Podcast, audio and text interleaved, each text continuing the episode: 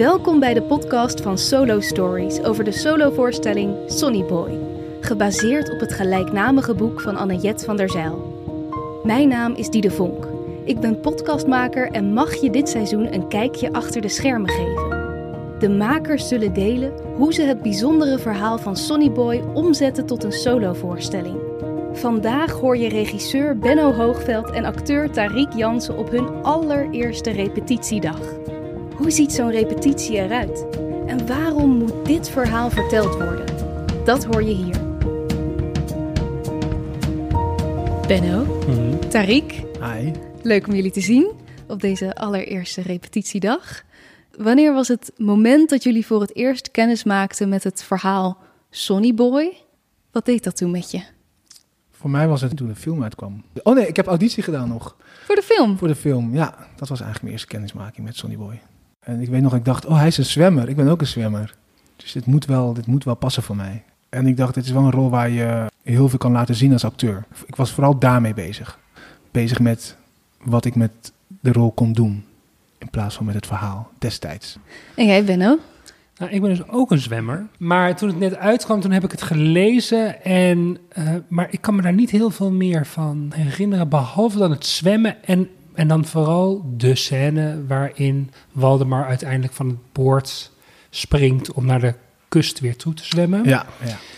Op het Eh, einde. Op het einde. Dat is eigenlijk dat is me het meeste bijgebleven. Dus dat was eigenlijk mijn eerste kennismaking. Ik heb ooit een plan gehad met Mark Veerkamp, die heel veel scripts voor ons schrijft. Zo'n heel wild plan dat we dachten, ah, misschien is dit een goed idee om hier een musical van te maken. En eh, dat was eigenlijk in de tijd dat de film een beetje uitkwam. Dus toen heb ik het weer voor het eerst echt gelezen. Dus 2011 is een wel een bewustere periode geweest dat ik met het stuk ben bezig geweest. En toen heb ik het weer ook opzij gelegd. Wanneer wist je, ik wil met Solo Stories Sonny Boy gaan maken? Het grappige was dat Merel op een gegeven moment zei... Merel is eh, de zakelijke partner van Solo Stories. En die zei, we moeten wat. Er begint langzaam weer een, moment te komen... dat we gewoon weer met een nieuw verhaal moeten komen. En er is een producent, Fred Boot. Dat is de producent van Soldaat van Oranje onder andere. En die heeft ooit een keer gezegd over Soldaat van Oranje... je moet het super groot doen of super klein.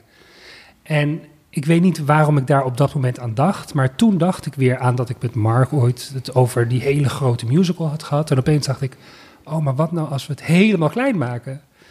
En toen bleek, en dat is dan zo'n mazzeltje dat je dan krijgt, dat dit jaar Sonny Boy 20 jaar bestaat. En dat is natuurlijk een super fijn aanknopingspunt om ermee aan de slag te gaan. Ja, want het is ook het boek voor Nederland leest. Dus ja, het ligt precies. weer... eh, Dat wisten we toen overigens nog niet. Wat een mooi mazzeltje. Ja, dat is mooi meegenomen. Ja, dat is echt heel fijn. En eh Tariq, de film werd het niet. Ja. Wanneer werd je gevraagd voor deze rol om in het theater te spelen en hoe ging dat? Nou, het grappige is, toeval, ik werd gevraagd door Solo Stories of ik geïnteresseerd was in eh Sonny Boy.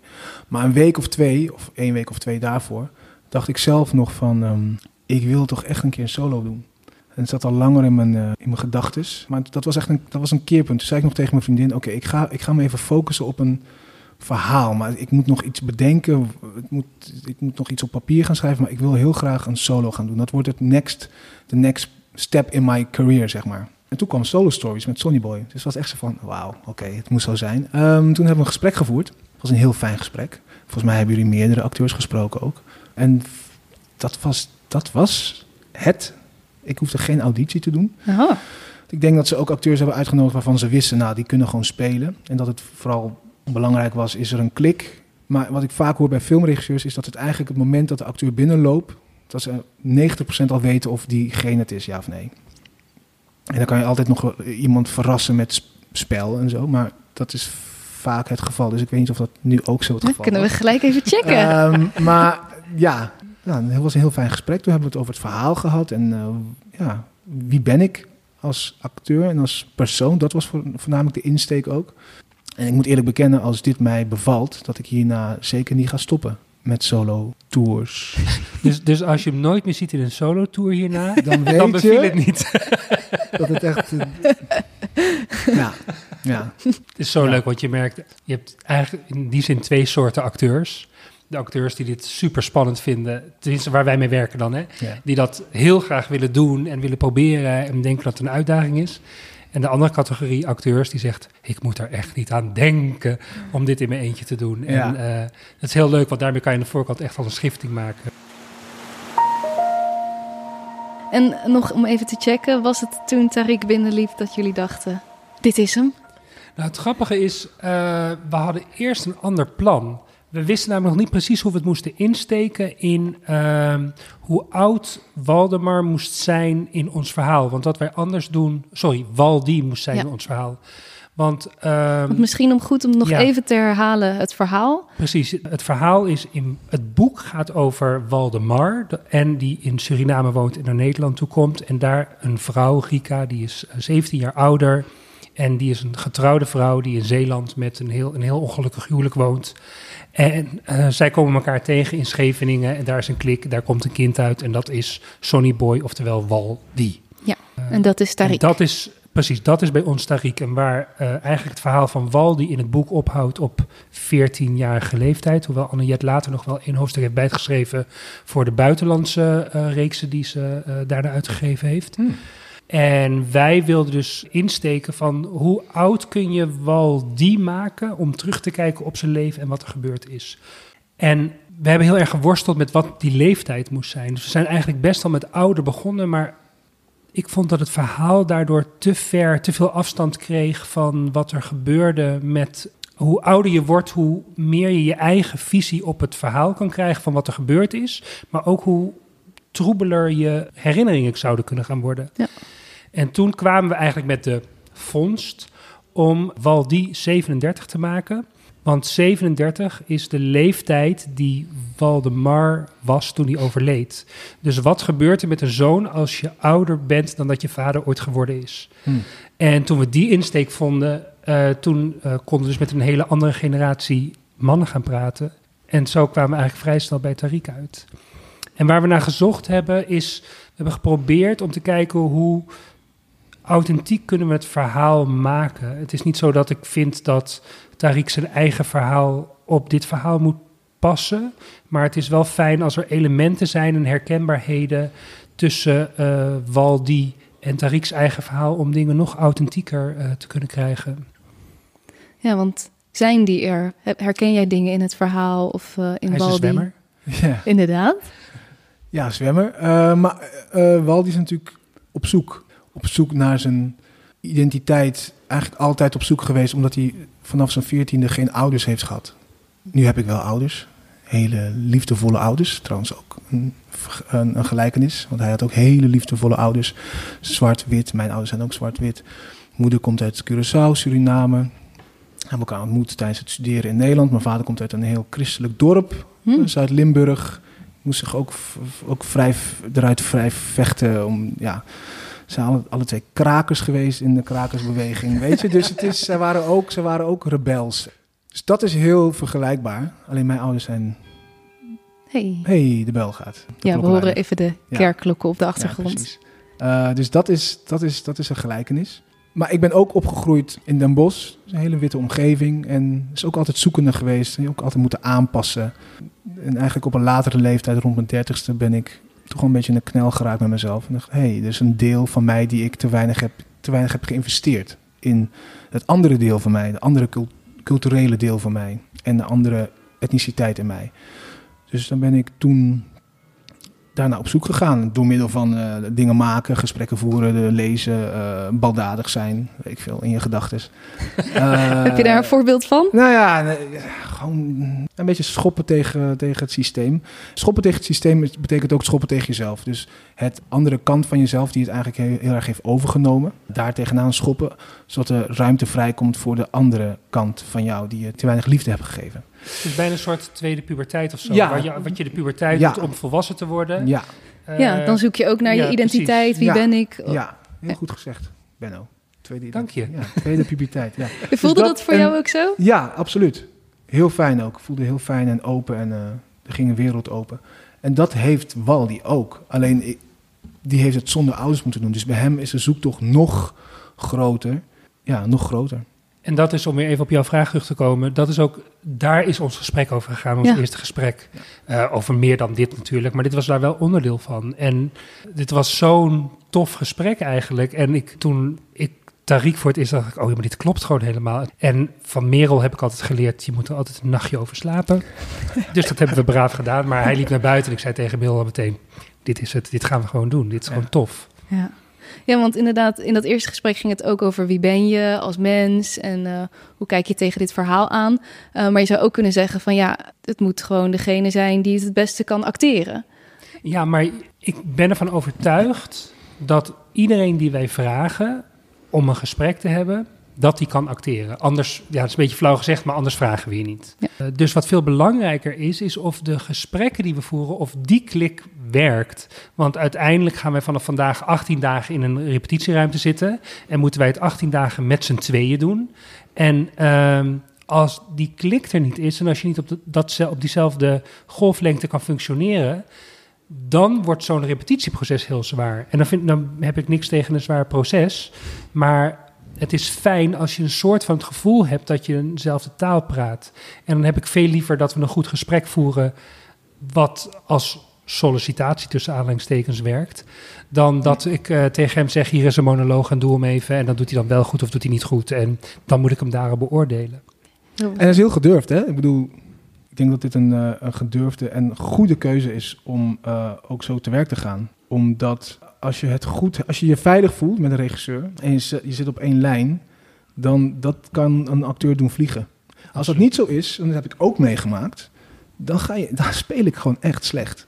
Dan kom ik gewoon niet tot het, nu, ben- nu ben ik een stuk ouder, dus dan heb ik de tools om dat alsnog wel te doen. Maar vroeger heb ik echt wel producties gedaan waar ik me niet altijd even fijn heb gevoeld. En dan kom je niet tot je recht als acteur. Dus het is, dat vind ik heel belangrijk. Ja. Dus voor jou was het eigenlijk ook een soort sollicitatiegesprek Absoluut. van... dat is sowieso, dit? denk ik. Ik heb met mezelf afgesproken. Een auditie is ook om te kijken of ik het graag wil doen met eh, een regisseur. Ook al zou ik die rol heel graag willen spelen. En natuurlijk kan het ook wel eens voorkomen dat je dan de rol krijgt. En dat je denkt, nou, regisseur, ik weet ik niet. Maar... En dan ga je gewoon dingen afwegen. Maar met Benno zat het gelijk goed hoor.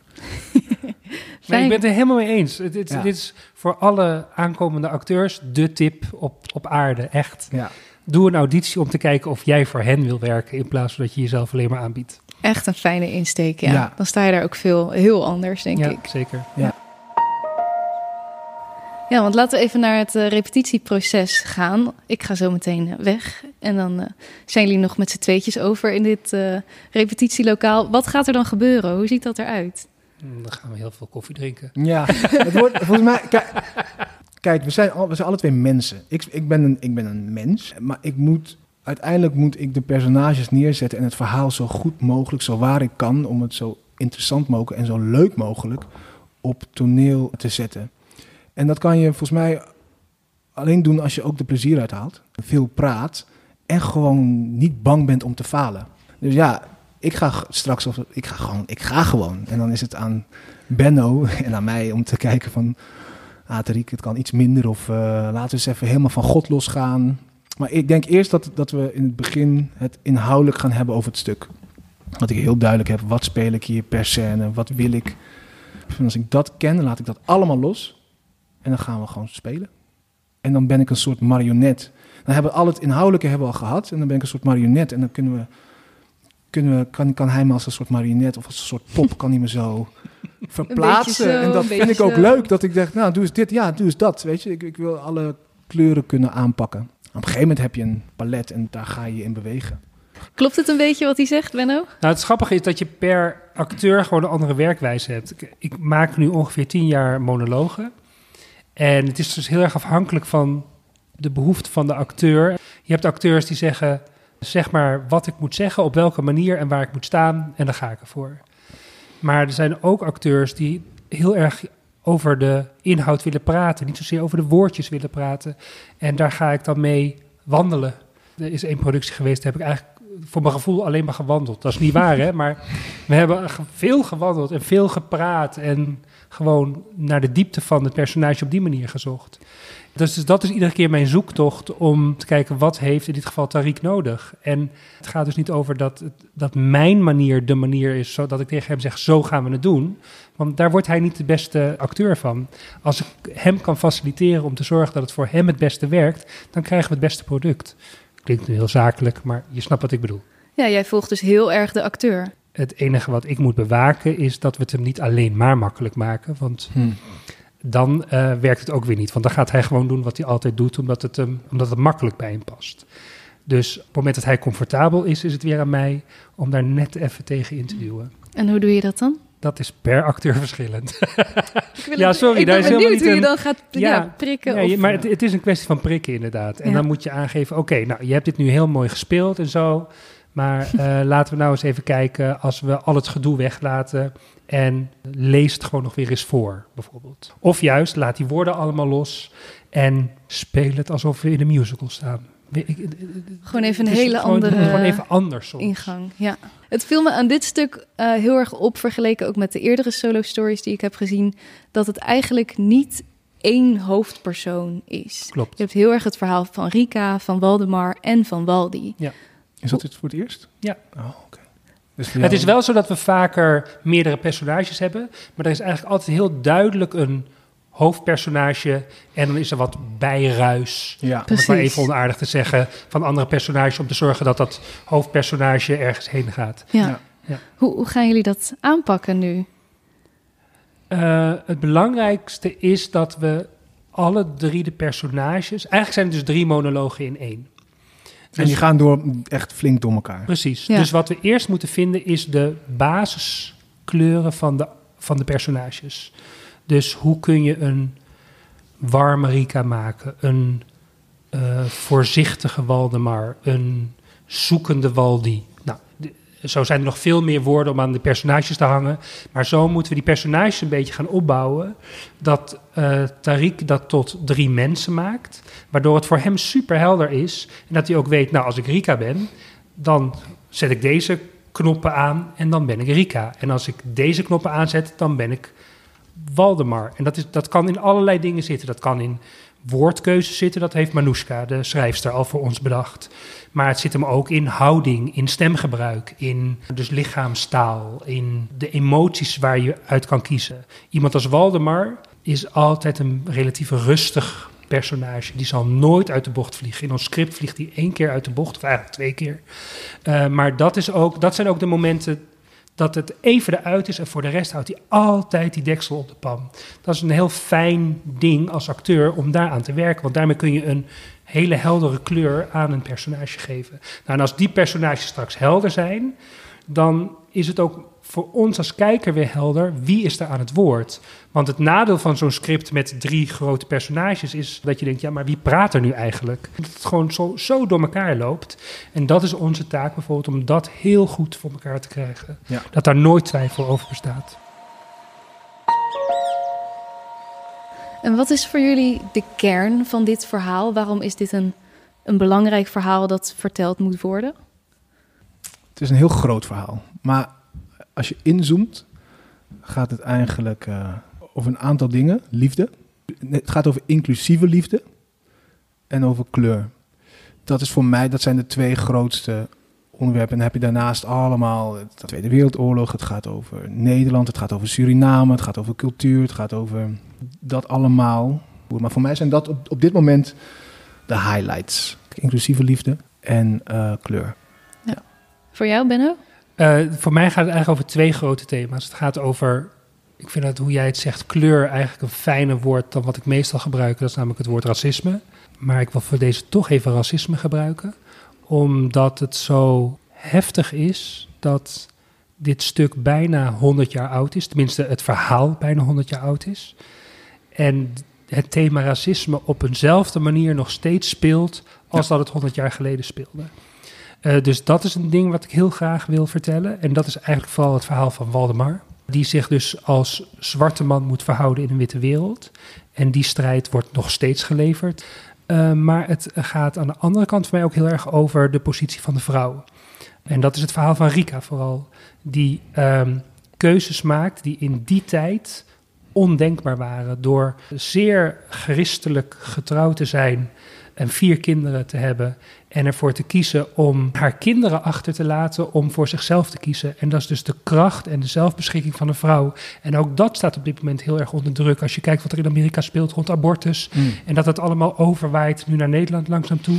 Dus de twee ouders als personages, die staan zo helder voor hun eigen gevecht. En die twee gevechten, dus de positie van anders gekleurde dan witte en de positie van vrouwen, die staan echt zo onder druk op dit moment. En ik vind het onverklaarbaar dat we daar nu nog steeds zijn, terwijl dit verhaal al 100 jaar oud is bijna. Dus dit verhaal moet op dit moment weer verteld worden om ervoor te zorgen dat we uh, niet weer in die vallen blijven lopen.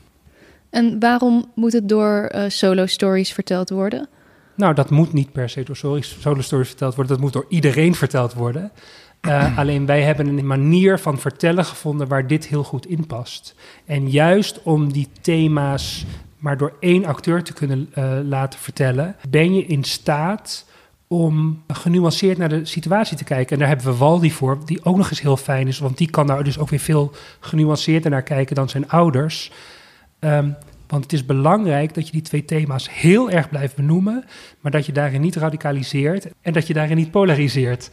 Dus um, het is juist belangrijk dat je begrip voor de ander blijft uh, kweken en bereid bent om naar het verhaal van de ander te blijven luisteren. En dat is wat Waldi heel erg goed kan, want die kan heel erg goed zoeken naar hoe hebben mijn ouders dit voor elkaar gekregen. En hij heeft automatisch, omdat het zijn liefdevolle ouders zijn, begrip voor allebei die posities. Ja, en Waldi kan publiek hand pakken, hand vasthouden. Ja. Daar is Waldi heel goed in. Ja, Hij is Nederland en Suriname en alles ertussen. En hij kan mensen dan bij de hand pakken en zeggen... hé hey jongens, dames en iedereen, erom, iedereen daartussen en eromheen... eh, laten we eens even heel serieus en naar dit verhaal kijken. Het speelt nog steeds. We moeten hier iets mee. En Waldi heeft alleen maar de behoefte om een heel klein verhaal te vertellen. Het verhaal van zijn liefdevolle ouders. Waldi heeft niet de behoefte om over racisme te praten of over de positie van zijn moeder. Hij wil alleen maar vertellen hoe goed en hoe lief zij die 14 jaar voor hem zijn geweest. En wij als theatermakers kunnen daar overheen nog een laag leggen die veel groter is en veel zwaarder is dan dat verhaal. En dat vind ik zo mooi. Dus het wordt ergens heel erg particulier gemaakt.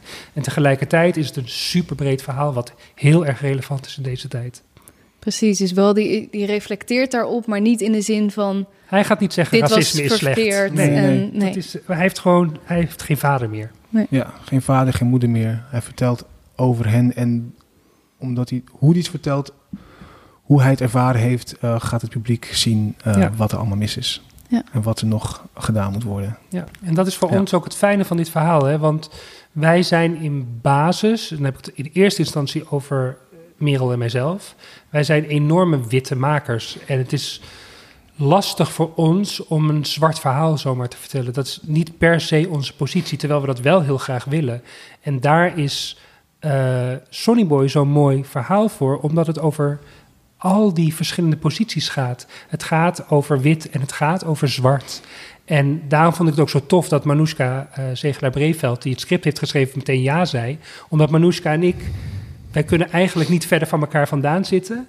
Maar samen zijn wij Waldi. Want zij komt uit Suriname en zij is een vrouw. En ik ben een witte man die uit een christelijk gezin komt. Dus al die elementen samen komen allemaal dus samen bij Waldi. En dat is gewoon heel tof dat we op die manier een multicultureel verhaal kunnen vertellen. En, uh, en daarom kunnen wij als Solo Stories dat ook maken.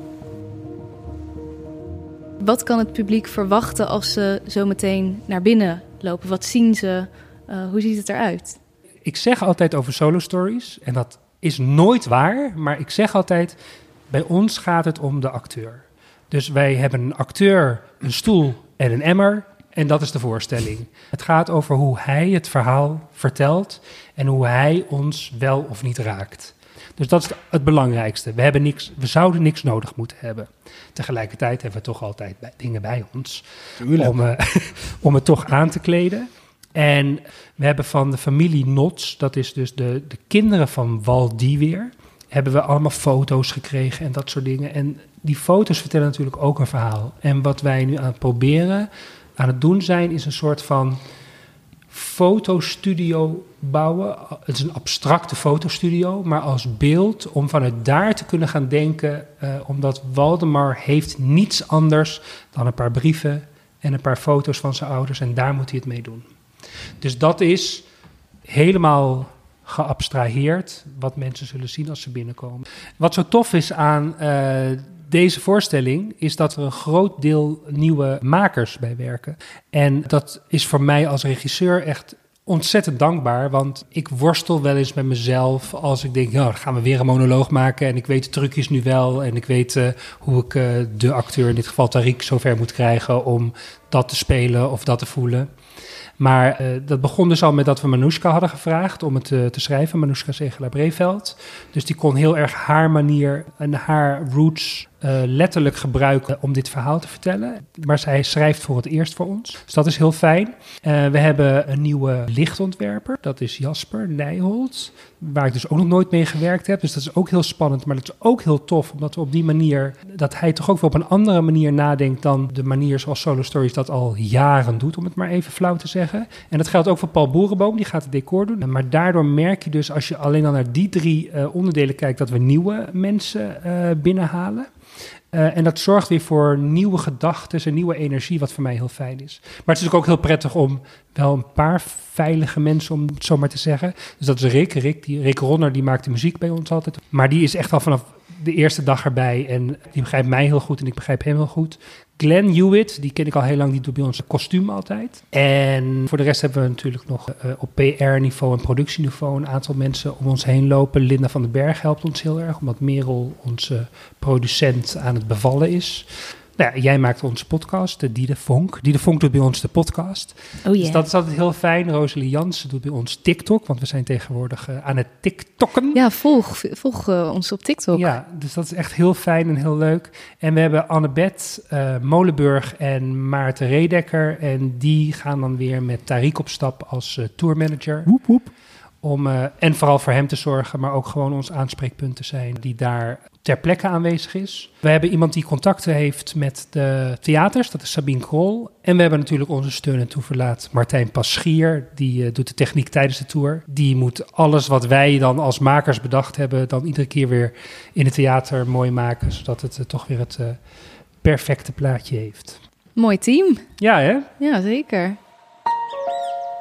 En hoe hopen jullie dat zometeen het publiek de zaal uitloopt? Juichend. Uh. Woehoe! um, maar nee, kijk, theater blijft een uitje. De mensen kopen een kaart, mensen gaan uit eten, doen hun best om naar het theater te gaan. Dus ten allereerste hoop ik dat ze genieten. Daarin, in het genieten, hoop ik dat, ze, uh, dat ik ze mee kan nemen naar, een, naar mijn verhaal, naar Waldi's verhaal. En dat ze iets, dat ze iets meekrijgen over het racisme en uh, vrouwen in beeld. En over de inclusieve liefde waar ik het over had. En dan het gesprek met hun partner aangaan. Maar wat vond je van die ene scène dat dan over racisme gaat? Wat vind je daarvan? Dat er een gesprek uitkomt. Dat zou, dat zou, dat zou, dat zou mooi zijn. Maar misschien heeft Benno iets anders. Nee, het zit er wel dichtbij. Het is belangrijk dat mensen een mooie theateravond hebben. Dat is het allerbelangrijkste. Want anders gaan we een soort van met ons vingertje wijzen en zeggen: dit en dit en dit moeten jullie uh, voelen en vinden. Maar ik hoop wel dat mensen, als ze naar buiten gaan, er met elkaar nog over door willen. Het belang... Kijk, al deze zware thema's, die kunnen we niet met een theatervoorstelling oplossen. Het enige wat we kunnen oplossen is dat mensen bereid zijn of bereider zijn om ook naar iemand anders zijn kant te willen kijken. En dat is, dat is op dit moment Nederland breed en misschien wel wereldbreed een gevaar. Dat we dat allemaal heel erg vechten voor onze eigen positie en onze eigen plek. Maar als we bereid zijn om maar één stap naar de ander toe te zetten en bereid zijn net iets meer alleen maar te willen luisteren Oh, zo zit jij in elkaar. Oh, zo denk jij. Dat, is, dat gaat al een wereld van verschil maken. En theater is daar gewoon een heel goed middel voor. Om andere point of views te presenteren. En ik hoop dat die points of views, dat ze daarmee naar buiten lopen en denken... Oh ja, maar dat kan natuurlijk als je uit zo'n leven komt, dat je dan zo en zo denkt. Dat is voor mij een wereld van winst, als we dat voor elkaar zouden kunnen krijgen. Heel veel dank, allebei. En heel erg veel uh, toi toi toi met de repetities nu. Zin in. Dankjewel. Dank Tariq Jansen en Benno Hoogveld. En met dank aan Fonds Podiumkunsten, Veefonds, Lirafonds, Nationaal Monument Oranje Hotel en Nationaal Monument Kamp Vught. Wil je komen kijken naar Sonny Boy? De voorstelling is van 18 januari tot 9 juni 2024 te zien in de Nederlandse theaters. Ga naar solostories.nl om je kaartje te bestellen.